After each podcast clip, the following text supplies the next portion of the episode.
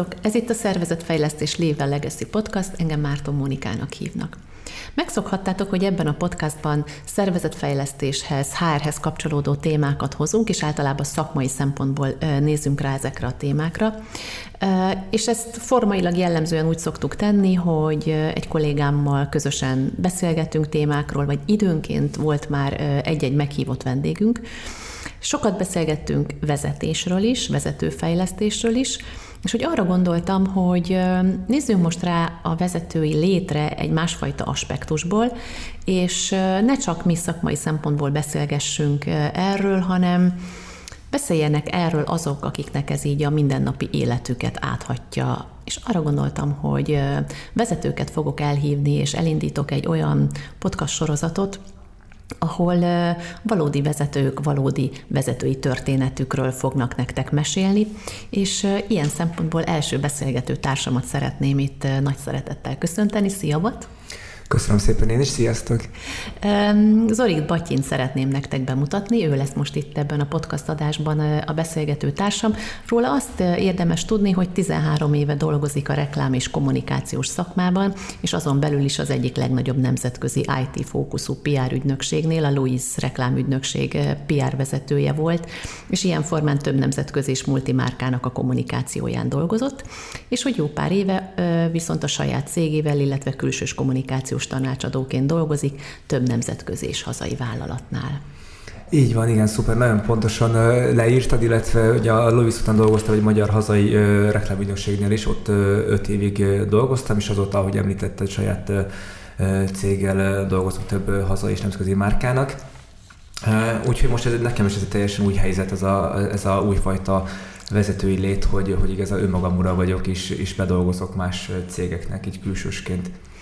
Azt gondolom, hogy egyébként így a vezetői evolúció szempontjából ez egy nagyon izgalmas állomás, amikor valaki így ö, saját céget hoz létre, de hogy ugye te se így kezdted, és hogy ö, mielőtt ezt a fejlődési utat végigjárjuk, vagy átbeszéljük, ö, mesélsz arról egy picit, hogy számodra úgy általában véve mit jelent vezetőnek lenni? Én azt gondolom, hogy, hogy vezetőnek lenni, annak két aspektusa van, van egy érzelmi, van egy szakmai oldala. Érzelmi oldal azt gondolom, hogy az a legnehezebb, és számomra nagyon nehéz, hogyha valaki szeretné ezt lelkismeretesen csinálni, akkor azért nehéz, mert tele van érzelmi hullámvölgyekkel. Meg kell felelni ugye az alatta dolgozó kollégáknak, az ő elvárásainak, meg kell felelni az ügyfeleknek, meg kell felelni a vezetőidnek is, mert nyilván minden vezetőnek van vezetője is, és, és, és alapvetően azzal szembesül egy vezető érzelmileg, hogy ez a folyamatos megfelelni akarás, folyamatosan az embereknek az igényeit figyelme venni, és nyilván ugye manapság már azt gondolom, hogy iszonyat nehéz, mert, mert régebben általában azért a, a munkavállalók lojálisak voltak, illetve inkább az emberek voltak a cégért, és most talán egy picit megfordult az egész, és most már a cég van az emberekért, ezáltal ugye vezetők is azért is dolgoznak, hogy ne csak a szakmai célokat, a, a profitorientált gondolkodást helyezik előtérbe, hanem azért is dolgoznak, hogy a, az embereknek az igényét hogyan tudják kielégíteni. Mm. És ezáltal sokkal több feladata van egy vezetőnek manapság is, nem csak szakmai, hanem most már az emberi oldala is. Nagyon örülök, hogy behoztad egyébként így a vezetés kapcsán az érzelmi aspektus. Szerintem kevesen vállalják azt be, hogy ez egy, ez egy ez egy érzelmi hullámvasút, amin a vezető ül, akkor, amikor egyébként annak a rengeteg elvárásnak próbál megfelelni, ami őt körbeveszi. Hogyha így visszagondolsz, akkor hogyan alakult a te vezetői pályád? Hogyan alakult a vezetői karriered? Alapvetően azt gondolom, hogy majdnem minden ebben ugyanúgy alakul, maga ez a fajta útvonal az hasonló. Ugye mindenki azzal kezdi, hogy munkájában jó, egy jó szakemberként kezdi a munkáját, és majd akkor valakiből jó szakember, akkor valamilyen formában ugye az a fajta rendszer van manapság, hogy csak akkor lehet előre lépni, hogyha valaki vezetővé válik. Akkor lesz valakinek több a fizetése, akkor lesz valaki pozíciójában magasabb szinten, hogyha vezetővé válik. Viszont én azt gondolom, hogy, hogy nekem szerencsém volt ebben az időszakban, mert én alapvetően nagyon ilyen ember centrikus vagyok.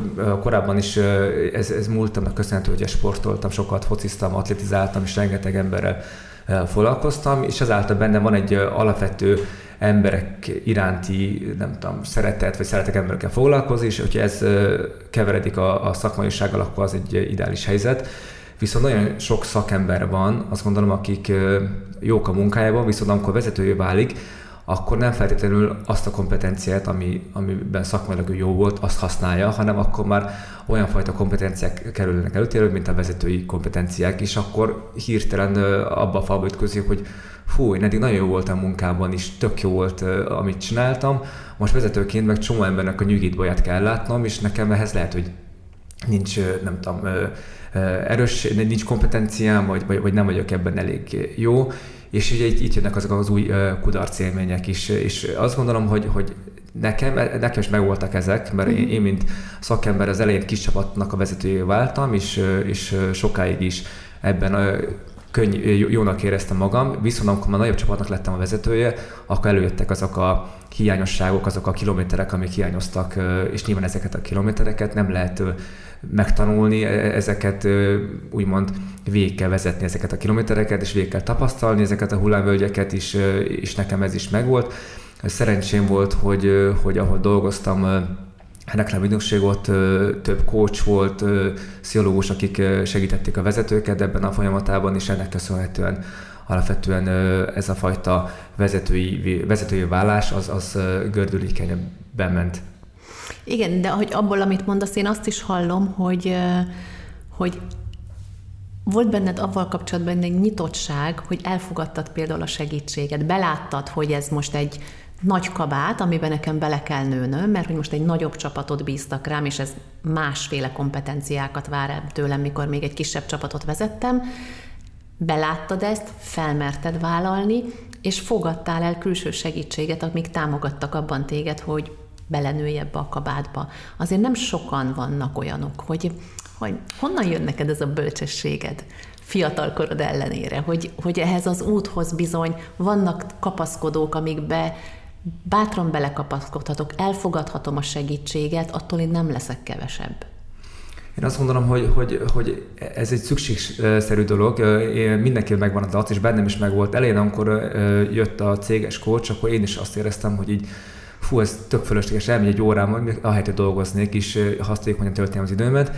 És, és utána rájöttem, hogy, hogy vezetőként mindenképpen ez ebből az egóból engedni kell, mind mind a, a csapat, a cég, vagy a, az ő magám, magamnak a, az előnyére, ugyanis ugye amikor korábban szakemberként jó voltam valamiben, és vezetőként is azt gondolom, hogy én ebben én vagyok a csapatban az egyik legjobb, és azért lettem vezető, akkor nagyon nehezen delegálok, nagyon nehezen adok át felelősséget az embereimnek. És ha nem tudok átadni felelősséget az embereimnek, akkor viszont az azzal jár, hogy nekem kell folyamatosan megcsinálni mindent, és az embereim meg nem lesznek motiváltak, vagyis nem lesznek jó vezető. És ez is egyfajta ego, ami, amiből egy vezetőnek, jó vezetőnek engednie kell, és csak azért kell engednie, hogy, hogy én is tudjak fejlődni, és tudjak időt szállni a saját fejlődésemre. És ugyanez vonatkozik ugye a, a pszichológus, a coach kérdésben is, hogyha én nem vagyok őszinte, és nem adom át a teljes bennem lévő problémákat nem adom át őszintén, akkor nem is tudok segítséget kapni. Onnantól kezdve valóban egy elpazarolt órának számít, amit töltök a coachsal, viszont hogyha meg átadom, akkor viszont meg igenis nagyon hasznossá tud válni, és ez a fajta ego az, amit szerintem minden vezetőnek muszáj lenne egy picit elengedni is, és azt tudni, hogy ettől nem lesz kevesebb valaki, hogy, hogy sérülékeny, mert nyilván ez egy folyamatos fejlődése a vezetői létnek. Ugye az előző adásunkban képzeld el, hogy pont az alázatosságról beszéltünk, hogy mennyire fontos az, hogy egy a vezetővé válás útján mennyire fontos az, hogy egy idő után az egót, az alázatosság fölváltsa. Például be tudjam látni azt, hogy nem vagyok mindenható, nekem is kell tanulnom, egy csomó mindent gyakorolnom kell, és itt ebben az útban téged segítettek professzionális segítők, pszichológust és kócsot említettél. Volt egyébként olyan természetes mentorod, aki nem egy ilyen nem, nem, nem megfogadott támogató volt kócsként, hanem egy olyan ember, vagy akár emberek, akik úgy, ahogyan ők működnek, amilyenek ők, azokra ma úgy emlékszel vissza, hogy sokat tanultál tőlük, sokat köszönhetsz nekik. Abszolút. Nekem az volt a szerencsém, hogy ahány munkáján dolgoztam, annyi fajta vezetői kompetenciát láttam mm-hmm. különböző főnökeimnél, és, és, és igazából így összegezve én azt láttam végül, hogy, hogy az ő kompetenciák nem, nem, nem szakmai, inkább vezetői voltak, mm-hmm. és pedig korábban ők is valószínűleg nagyon jó szakemberek voltak, mm-hmm Viszont ők pont attól tudtak nagyobb vezetőjé válni, hogy, hogy már nem a szakmával foglalkoztak feltétlenül, hanem a vezetéssel foglalkoztak. És nekem ez egy nagyon példaértékű volt, még én is az ő példákon keresztül láttam azt, hogy nekem is el kell engednem azt a fajta ügyfélkapcsolatot, azt a fajta mikro, mikromanagementet, hogy én vezetője válhassak. És ugye itt jön szóba ez a folyamatos fejlődés, amit korábban is említettem, hogy, hogy, hogy nyilván ez egy bizonytalanságot okozott nekem is, hogy ebben az új szerepben én nem vagyok annyira jó, mint, mint szakemberként voltam. Uh-huh. És akkor uh, folyamatosan megy az, hogy most akkor én hova játszok. Vezetőknek akarok megfelelni, vagy pedig az ügyfeleknek, vagy a, vagy a kollégáimnak is. És ugye ez egy ilyen uh, stresszes időszak minden vezető számára, én azt gondolom. És, és én ilyenkor jöttem rá, hogy alapvetően ez nem mindenkinek való, alapvetően a vezetői lét, és, uh-huh. és mindenki ugye alapvetően arról álmodik, hogy vezető szeretne lenni, uh-huh. de amíg az ember nem vette fel azt a vezetői ö, aktatáskát, mondjuk, addig nem tudja, hogy ez milyen terhekkel jár. Uh-huh. Mert, mert egy mezei ö, szakemberként, amikor csak a, a saját feladatod ér felez, ott azért nincsenek olyan nyomások, hogy, hogy, hogy nem tudom, egyszerre tizen rángatják a, az ingújat, hogy akkor segíts nekem is, meg ügyfélserégedet, meg őserégedet, stb., hanem egyszerűen végzed a munkád, és ha abban jó vagy, akkor meg dicsérnek. Uh-huh. Vezetőként hiába vagy jó a szakmailag, attól függetlenül sok embernek a nyugét baját, kicsit mint egy pszichológus neked kell kezelni. Azt mondtad, hogy nem mindenkinek való. Szerinted akkor kiknek való?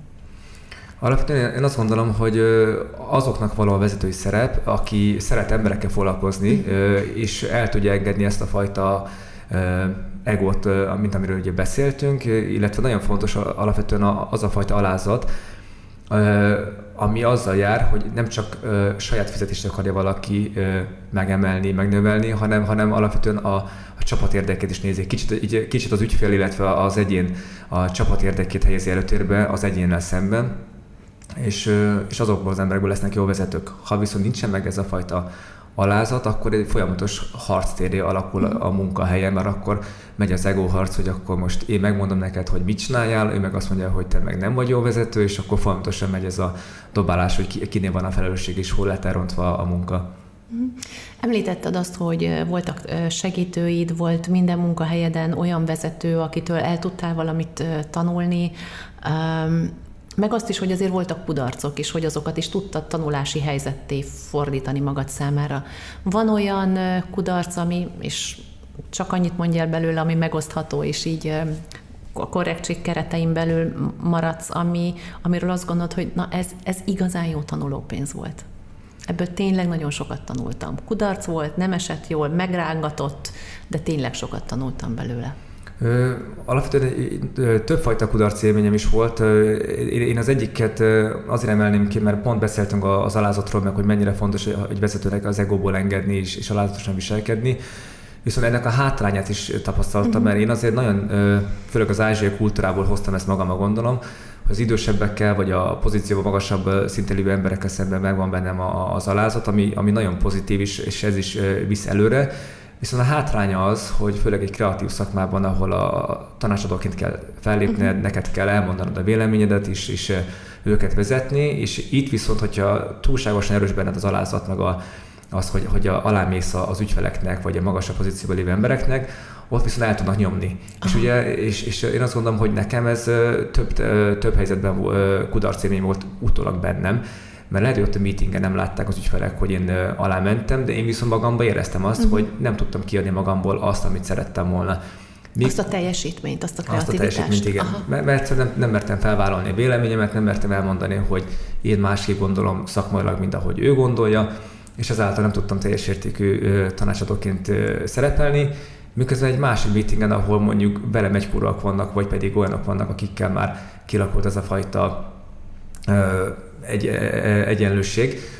Ott viszont tényleg úgy tudtam szerepelni, ahogy, ahogy szerettem volna, és, és nem pedig alá mentem is. És ez egy nagyon fontos, hogy, hogy ne legyen túlságosan ez a alázat, nem legyen annak a robására, hogy, hogy szakma nem, nem képes valaki felvállalni a véleményét. Hm, tehát, hogy ez legyen egy ilyen egészséges mértékű, semmiképpen nem a másik alá megyek, hanem, hanem a szakmaiságomat maximumon tartva és az alázatot mellé véve, és nem a másik alá menve. Így van, így van. És, és ugye ez a fajta asszertív kommunikáció, ez is nyilván egy olyan fejlesztendő készség a vezetőknél, hogy, hogy valaki uh, tudja ezeket úgy kommunikálni, meg úgy kezelni, hogy ne túl érzelmes, nem megsértődve, ne dacolva, hanem, hanem tudjon erre úgy tekinteni, hogy, hogy alapvetően nem az van, hogy a másik ember, aki veled szembe ül és magasabb pozícióban van, vagy idősebb, el akar nyomni, hanem egyszerűen én megyek alá, és akkor ezt így beismerni magamba, uh-huh. ez is egy, egyfajta beismerés, és akkor ezt meg kell tanulnom kezelni, mert lehet, hogy én meeting után hazamegyek magamba, gyötrödve, hogy nem tudtam felvállalni véleményemet, lehet, hogy másik emberben meg semmilyen érzés nincsen ezzel kapcsolatban, semmilyen negatív is, és nyilván ez az én saját problémám, és, és ez, ez, ez egyfajta vezetői kudarc élmény, azt gondolom, amit tapasztaltam, de, de én nagyon sok más embernél is hallottam ezt a fajta problémát. Nyilván ez egy, ez egy fejleszteni dolog minden vezetőnél, meg egy természetes folyamat. Uh-huh. Mondtad, hogy természetes folyamat, és talán az is, az a karrier ív vagy út, amit bejártál, az is valahol egy ilyen természetes út, hogy elkezdtél dolgozni valahol egy nagyon jó szakemberként, aztán rád bíztak egy kisebb csapatvezetését, aztán utána egy nagyobb csapatvezetését, és így haladtál szépen ezen a karrierúton, és most pedig a saját cégedet vezeted. Miben más az, amikor az ember a saját cégét vezeti, és amikor, amikor egy, egy tulajdonképpen egy, akár egy multicég vezetőjeként dolgozik? Én nekem szerencsém van olyan szempontból, hogy többfajta vezetői szerepben ültem így az elmúlt évek során, és én azt tapasztaltam, hogy amikor egy nagy csapatnak vagy a vezetője, akár 13-14-5 főnek vagy a vezetője, ott így arányában teljesen eltolódik így a, a szakmai munka is a, a, az emberekkel való foglalkozás, és ott gyakorlatilag az időmnek a 80%-a azzal ment el, hogy az alattam dolgozó 10 embernek a, a kedve, a, az, hogy milyen volt a hétvégéje, a, a ügyfelével hogyan jön ki, ezeket kell valahogy kezelnem és szakmailag meg emberileg támogatnom. Csak itt egy kicsit a néző, vagy a hallgatók kedvéért mondjuk el, hogy ez azt gondolom, hogy ez egy amúgy is nagyon fontos feladata a vezetőnek, de és akkor nyugodtan száfolj meg, ha nincs így, a kreatív szakmában talán ez még egy fontosabb dolog. Tehát, hogy kreatív szakmában egyébként demotivált, kiégett, megfásult kollégákkal talán még nehezebb dolgozni mondjuk más iparágakban. Ezt jól, jól gondolom? Így van, így van, és, és ugye ez akkor, akkor legnehezebb, amikor több lépcső van ebbe az egészben. Én mindig focival szoktam példálozni, Kicsit olyan, amikor én jó szakember vagyok, én vagyok a, a fociban a csatár, rugom a gólokat, és nyilván nekem az itt tök jó visszajelzés, amikor a szurkolók tapsolnak, meg a média megírja, hogy hány volt rúgtam. És amikor már, már, már a jó ö, csatár vagyok, és akkor azt mondja a klubvezetőség, hogy figyú, te akkor most edző leszel, ott nagyon nehéz edzőként a kispadról nézni azt, hogy más a gólokat, és az, ügy, az ügyfelek, kvázi akik a szurkolók ebben az esetben, ők ugye a csatárt, csatárt simogatják, őt éltetik, akkor nyilván edzőként nagyon nehéz azt látni, hogy azt a fajta sikert, amit te értél el annó, azt mm. valaki más most más fogja be mm. ezeket a helyzeteket. És ugye itt beszélünk egy csapatszintű dologról, és egy csapatban nem csak csatárok vannak, hanem védők, vagy kapusok is mm. vannak. És az is nagyon nehéz, hogy éppen aki védő, ő ugyanúgy jó, jó, ugyanannyira kell a csapatnak, mint a csatár, de mégse rúg gólokat, és akkor az ő lelkét hogyan ah. tud helyre tenni, úgy, hogy figyú, a te munkád ugyanannyira fontos, mint a csatár dolga, uh-huh. csak a csatárnak górugás, neked a védekezés ez a feladatod, uh-huh és, és ugye egyzőként ezeket kell előtérbe helyezni, hogy akkor már miközben leadom az egómat, hogy nem én rúgom a gólokat, közben a másnak a problémáját is neked kell kezelni. És ugye nyilván ez egy, ez egy fajta 360-as megfelelési kényszer, uh-huh. miközben tényleg ott van a curkolók, itt a kázi a mi munkánkban, vagy az ügyfelek, nekik is meg kell felelni, szóval hogy ez egy iszonyat bonyolult, és, és amikor valaki alatt szintén vezetője válik, ugye az is nagyon nehéz, hogy őt hogyan támogasd ebben a vezetői létben, hogy belőle is egy olyan hasonló vezető legyen. És itt, itt nyilván az jó, hogyha a saját példádon keresztül tudsz ö, ö, mondani ilyen jó praktikákat. Nekem szerencsém van olyan szempontból, hogy én közelebb vagyok korban az alattam, vagy voltam korban az alattam lévő vezetőköz, és ezáltal gyakorlatilag három-négy évvel ezelőtt ugyanazokat a lépéseket végig tettem, és ezáltal tudtam mutatni példákat. De ha valakinek más a habitusa, valaki nem annyira emberközpontú, vagy nem annyira szociális, akkor viszont meg nagyon nehéz, uh-huh. és, és nehéz őt visszaléptetni abban is, hogy, hogy lehet, hogy mégse való neked a vezetői lét, mert, uh-huh. hogy, mert hogy ő meg nem tud delegálni, meg uh-huh. annyira nem tudom, control freak, hogy, hogy nem tudja kiadni a kezéből azt a munkát, és már az e-maileket is úgy nézegeti az alatt dolgozó kollégáknak, ott viszont már nagyon nehéz uh-huh. ezt átadni. Uh-huh. Emlékszel, úgy kanyarodtunk ide, és csak én egy picit megszakítottalak, hogy miben más egy vállalati vezetőnek lenni, és miben más most, hogy a saját cégedet vezeted. És akkor mondtad, hogy amikor nagy csapatot kezdtél el vezetni, akkor például ezek voltak megugrandó kihívások, amiket meséltél. Most, most mik a kihívások, hogy a saját cégedet vezeted? Én alapvetően külsős vezetőként meg az a nehéz, hogy volt olyan cég, ahol felkértek engem külsős kvázi marketing vezetőnek, uh-huh. és, és ez nyilván ez a Covid-nak a következménye volt, hogy Covid alatt megvágták sok helyen a marketing büdzséket, és akkor külső szakemberekkel e, tudtak hagyatkozni. És külső vezetőként meg azért nehéz, mert nyilván erre a pozícióra a házon belül is rengetegen pályáznak ilyenkor, és, és ők közösen járnak ki kávézni, dohányozni, stb. És akkor én, amikor megérkezek heti egy-két meetingre is, az alatt akarom nekik megmondani, hogy, hogy mit gondolok, mi a vízió, irányvonal, stb. Akkor ezt nagyon nehéz, nehéz úgymond így elfogadtatni meg, meg én azt gondolom, hogy az elmúlt két-három év az merőben megváltoztatta az embereknek a, a munkához való hozzáállását, uh-huh. és ez a vezetőknek a legnehezebb, mert amikor egybe bejött a home office, akkor mi is azzal szembesültünk, hogy most mi a jó, jó irány, teljes szabadságot adni az embereknek, és nem ellenőrizgetni, hanem azt nézni, hogy elvégezte munkáját, vagy pedig óránként rácsörögni az emberre, Zoom meetingeket összehívni, hogy akkor ki hogy van mert ugye nyilván van olyan fajta ember, aki ezt zaklatásnak érzi, hogy, hogy hetente, hogy naponta akarunk Zoom meetingelni, van, aki meg erre vágyik, hogy, uh-huh. hogy lássam a többieket. És nyilván nincs, ha van alatt a tizenvány ember, akkor nincs egységes álláspont, uh-huh. hanem, hanem mindenki máshogy áll hozzá, és nyilván ezt a vezetőnek kell valahogy megoldani. Vagy igen. megoldani. Igen, igen. Um, Hát azt hallom, hogy nagyon-nagyon sok tapasztalatot gyűjtöttél be, és így a hallgatók nem tudják, hogy hány éves vagy, de így a 30-as éveit közepe felé, ugye? Most lettem 36 éves ebben a hónapban. Éves. Igen. Szóval, hogy egy nagyon fiatal emberről van szó, aki már nagyon szép karriert, és nagyon végigjárt, és nagyon szép utat járt be, jó sok tapasztalatot gyűjtve.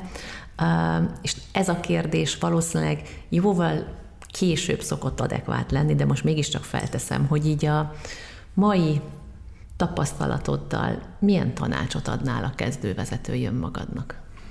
Ö, igazából az, amit egy korábban is említettem, hogy, hogy, hogy jobban merjem a véleményemet felhozni, jobban mm. merjem vállalni azt, ami, ami bennem van, és, és nyilván ezt mindezt úgy, hogy jól kommunikálva, megfelelő helyen, megfelelő időben, és nem pedig utólag sértődve hozzávágva egy esetleg egy értékelő meetingen, hogy az elmúlt fél évben nekem ez meg az volt a bajom, uh-huh. hanem, hanem, és, és nem hagyni magad, magadnak ezeket az érzéseket így, így összegyűlni magadban, hanem, hanem ezeket azonnal kell kommunikálni. És én azt gondolom, hogy, hogy nekem ez egy visszamenőleg egy óriási ö, tanulság volt, ezen kívül meg, meg azt gondolom, hogy, hogy nekem szerencsém volt olyan szempontból, hogy rengeteg jó vezetővel találkoztam így a munkám során, viszont azt is látom máshol, vagy más helyeken, hogy, hogy nagyon kevés a jó vezető, uh-huh. és, és egy vezető lét az abban merül ki legtöbb embernél, hogy, hogy ő kiadja a parancsot, igazából inkább főnök, inkább egy ilyen pozícióvezetői lét mm-hmm. sok embernél, és nem pedig szó szerint értelemben az, hogy valakit, valakiket vezetni, hanem, hanem egy betölti vezetői pozíciót is. Sokan ezt így fogják föl, és, és főleg, hogyha valaki fiatal vezető, akkor, akkor benne van az a fajta megfelelési kényszer az a tulajdonosok vagy az ő főnökei fele, és gyakorlatilag egy ilyen ostorral vezeti a csapatát, és, és ez nem feltétlenül jó, és én azt gondolom, hogy, hogy fontos, hogy, hogy azért, ha visszamegyek a fiatalkori énemhez, akkor azt mondom, hogy ha ilyet látnék, akkor azonnal menekülés és egy olyan vezetőt keresni, olyan helyet, ahol szakmai vezető van, aki segít, támogat. És egyébként ez azért érdekes dolog, mert a mai munkaerőpiaci helyzetben ez most meg is tehető. Tehát, hogy a munkavállalóknak van egy nagyobb szabadságuk azzal kapcsolatban, hogy megválasszák, hogy hol dolgozzanak, vagy kikkel dolgozzanak, vagy kik legyenek, a, kik legyenek az ő vezetőik, és hogy talán pont emiatt van egy nagyobb felelőssége a vezetőknek jó vezetővé válni, mert hogy van a munkavállalóknak alternatívájuk. Szóval, ahogy te is mondtad, hogy ha én itt nem érzem jól magam, akkor át tudok menni máshová. És hogy ilyen formán mi az, amit javasolsz a vezetőknek ma, hogyha szeretnék az embereket, és én azt aláhúznám, hogy a jó embereket megtartani, akkor mi az, amire különösen figyeljenek manapság? Ez azért nagyon nehéz, mert ugye mondtad, hogy a munkavállalói szinten ugye elég nagy a, a mozgástér, mindenkinek, és mindenkinek rengeteg lehetősége van. de én azt látom, ugyanez a lehetőség megvan a vezetői szinten is. Aha. És ugye, hogyha beszélünk a multikról, a multiknál is gyakorlatilag az a tapasztalat, hogy minden vezető ott tölt két-három-négy évet, és gyakorlatilag vált. Uh-huh. Még, még hogyha a multiknál az ügyvezetői szinten nézzük az ilyen country managereknél, ott is gyakorlatilag három évente rotálják a vezetőket a multi cégek, és nyilván az alatt a két-három év alatt a vezető nem tud igazi mentorrá válni, mert, mert gyakorlatilag ő is tisztában azzal, hogy ő egy fix időre jött, és az alatt a fix idő alatt, amit lehet kihoz ebből a cégből, de hogy ez inkább, inkább gazdasági eredményre mhm. fókuszál, nem pedig az emberi oldalára. Másrészt meg so, sokszor a vezetők is gondolom úgy vannak vele, hogy ha az emberek ilyen gyorsan, könnyen mennek, akkor igazából miért bele energiát? És ugye ez egy ördögi kör, mert, mert vezető nem akar energiát fetszolni, meg az ember meg azt érzi, aki dolgozik, hogy a vezető nem szánnak rám időt. És, és ugye ez a multikra is sajnos már igaz, annak ellenére, hogy rengetegen fektetnek időt, energiát a képzésekre, de mégis ez a fajta fluktuáció az eléggé jellemző így a, a multi környezeted. Míg a, a laposabb szervezeteknél, a magyar cégeknél, ott meg ugye az jellemző, hogy, hogy hogy nincsen ilyenfajta képzett vezetői réteg, hanem ott gyakorlatilag a juniorból lesz valaki uh-huh. évek során vezető, és ezáltal ő azt a fajta a munka, vagy azt a fajta vezetői normát örökíti tovább, amit ő is kapott. Uh-huh. Vagyis kevés a, a lapos szervezetnél a, a vezetői, olyan vezető, aki mentor felfogású vezető, aki az embereket képezni akarja, hanem inkább csak kiadja a munkát, és akkor végezzel. És, és én azt gondolom, hogy, hogy nagyon sok ilyen lapos szervezet van, ahol mondjuk egy 20 éves elkezd dolgozni, és hogy nincs tisztában azzal, hogy mondjuk ennél sokkal jobb is lehetne. Uh-huh. Ő azt gondolja, hogy neki ez a normális, hogy, hogy neki magára van hagyva, el kell végezni ezt a munkát, és ha valami bizonytalan, akkor lehet, hogy nem mer kérdezni, hanem valahogy megoldja megkérdezi az ismerőseitől. Még mondjuk egy olyan cégnél, nekem szerencsére ilyen cégeknél volt szerencsém így, így fejlődni, ahol alapvetően így bemutatták, hogy az első nap volt egy boarding, onboarding, ugye, ahol elmondták, hogy pontosan mivel kihez fordulj, mit kell kitölteni, mikor, nem tudom, milyen kérdésre kihez fordulj, és nyilván ezek, ez fontos, hogy, hogy, hogy, hogy legyenek ilyen, ilyen társaid, vagy ilyen vezetőid, de ez nagyon ritka. Uh-huh. Akkor egy picit másképp teszem fel a kérdést.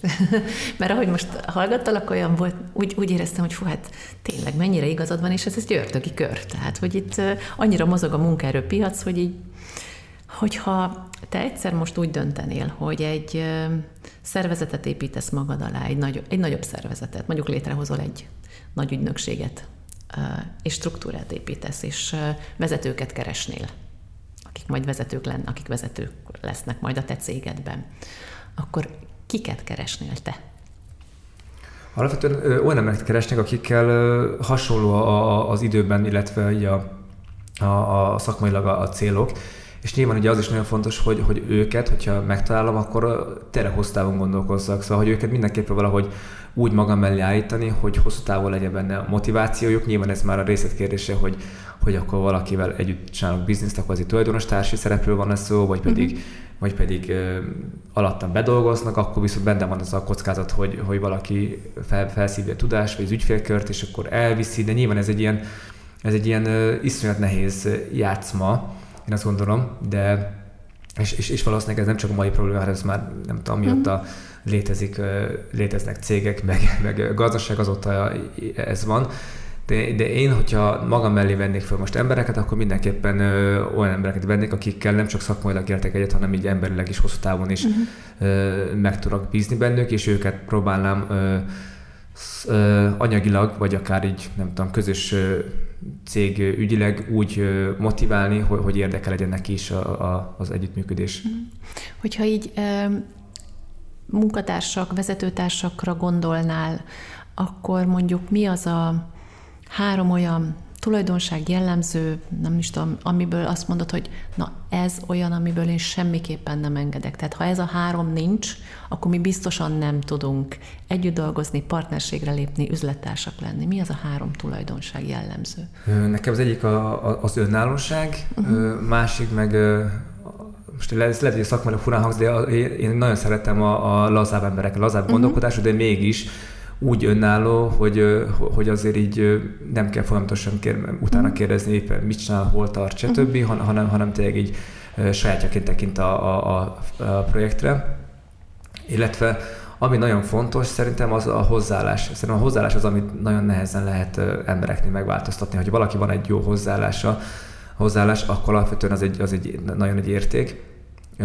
Illetve én azt, azt gondolom, hogy, hogy cégeknél, ugye én, én azt tapasztaltam nagyon sok embernél, így a, a célhoz vezető út az egy iszonyat nehéz pont azért, mert, mert mi legtöbbször a, a boldogságot a célokhoz kötjük.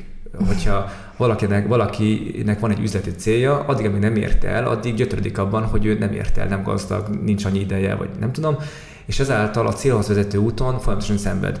És miközben mondjuk nem annak kéne meghatározni a boldogságot, hogy mi a célod, hanem mondjuk ha valaki jól érzi magát a munkájában, akkor előbb-utóbb eléri azt a célját is. Mm-hmm. És picit ezt a fajta hozzáállást hiányolom nagyon sokszor így a, a, az embereknél, és azt látom, hogy nyilván ez a multi közeg ö, nyomja rá az emberek ezt a fajta gondolkodást, hogy van egy éves célja az embernek, ugye mindenkinek megvan adva, hogy milyen számot kell elérni, stb. És akkor a évvégén, hogyha az számot eléri, akkor megy a pesgőbontás, de addig viszont megy a hajszolás. Uh-huh. És ez a hajszolás az, az igazából azzal jár, hogy fontosan valaki zsörtölődik magában, hogy akkor ostorozza magát, hogy akkor elérem el, nem érem el, stb. és folyamatosan remegő lábbal dolgozik, de annyira ugye a, a kreatív munkához viszont nem jó, hogyha valaki ilyen remegősen lábújhegyen mhm. állva tölti az egész életét. Szóval, hogy én azért mondom, hogy az a fajta lazasság kell az emberekben legyen, ami, ami segít átvészelni ezen a, a